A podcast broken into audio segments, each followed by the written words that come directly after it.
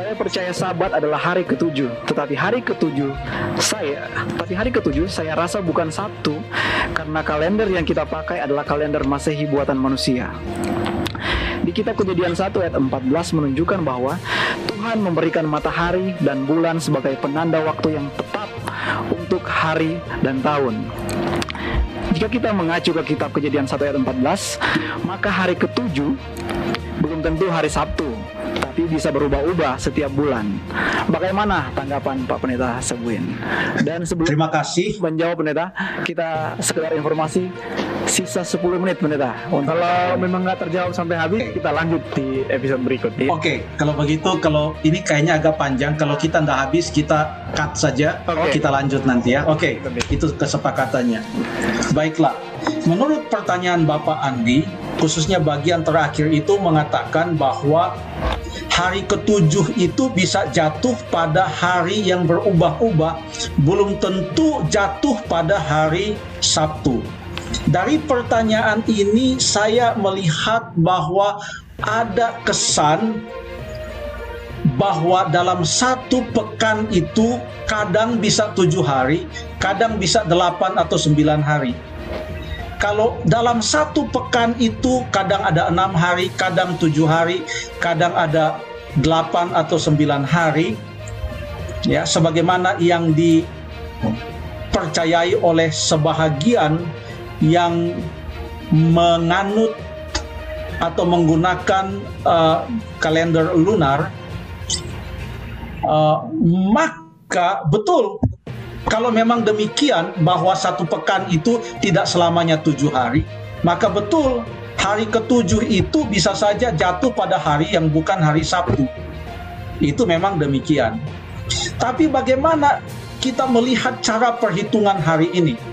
Semenjak penciptaan yang diperkenalkan oleh Allah adalah dalam satu pekan itu tidak ada delapan hari atau hanya enam hari. Satu pekan itu adalah tujuh hari. Itu jelas di dalam kejadian pasal 1 yang memperkenalkan kepada kita siklus satu pekan yang terjadi terdiri dari tujuh hari. Artinya Alkitab tidak mengatakan bahwa satu pekan itu bisa berbeda-beda harinya.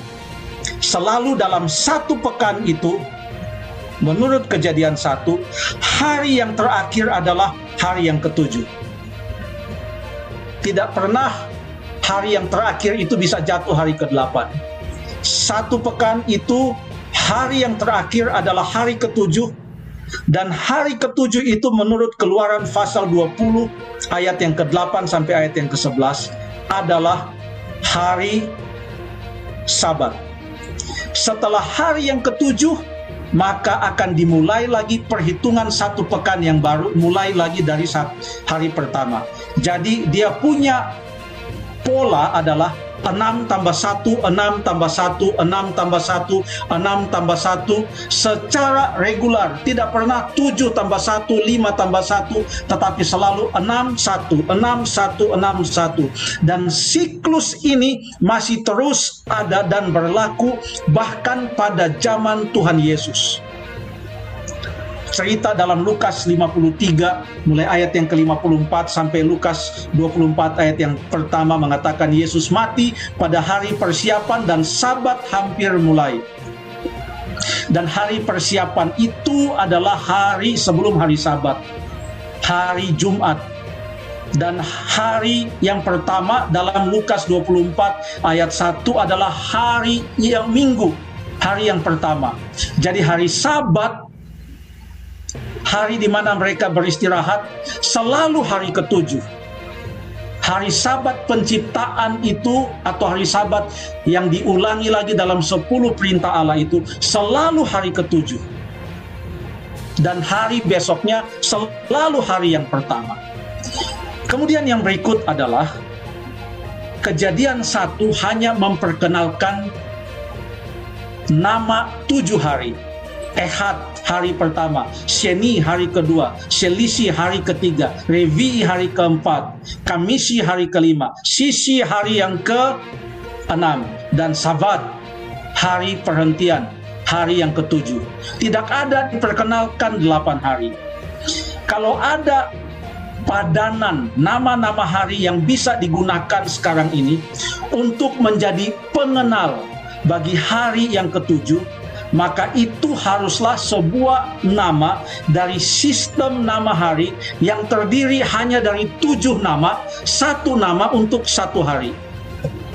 Dan yang kita gunakan sekarang adalah suatu sistem nama hari. Saya bicara tentang nama hari yang memang hanya tujuh nama. Minggu, Senin, Selasa, Rabu, Kamis, Jumat, Sabtu besoknya tidak ada nama hari lain, tapi diulangi dengan nama hari yang pertama, Minggu, Senin, Selasa, Rabu, Kamis, Jumat, Sabtu, demikian selanjutnya. Sehingga sekiranya mereka yang mempunyai pemahaman bahwa ada satu minggu yang mempunyai delapan hari, sebaiknya ada nama khusus untuk hari yang ke-8 itu dan jangan digunakan nama hari dari sistem yang tujuh hari ini. Supaya tidak mengikuti nama-nama hari untuk satu minggu yang terdiri dari tujuh hari. Sebab kalau keduanya ini dicampur, perhitungan hari dalam satu minggu ada tujuh dan delapan hari, tetapi tetap menyebut nama-nama hari itu dengan sebuah sistem hari yang hanya terdiri dari tujuh nama, satu nama untuk satu hari, yang adalah biblikal menurut atau Alkitabiah menurut kejadian pasal 1, maka akan terjadi kebingungan. Menghitung satu minggu delapan hari, tapi menggunakan nama yang hanya untuk tujuh hari. Jadi melihat hal ini, kalau kita mengikuti hanya tujuh nama hari di dalam Kejadian pasal 1. Dan hari yang ketujuh itu selalu hari yang terakhir. Dan hari yang ketujuh itu adalah sabat. Maka hari sabat harus selalu jatuh pada satu nama hari yang sama. Mau sebut apa pun namanya.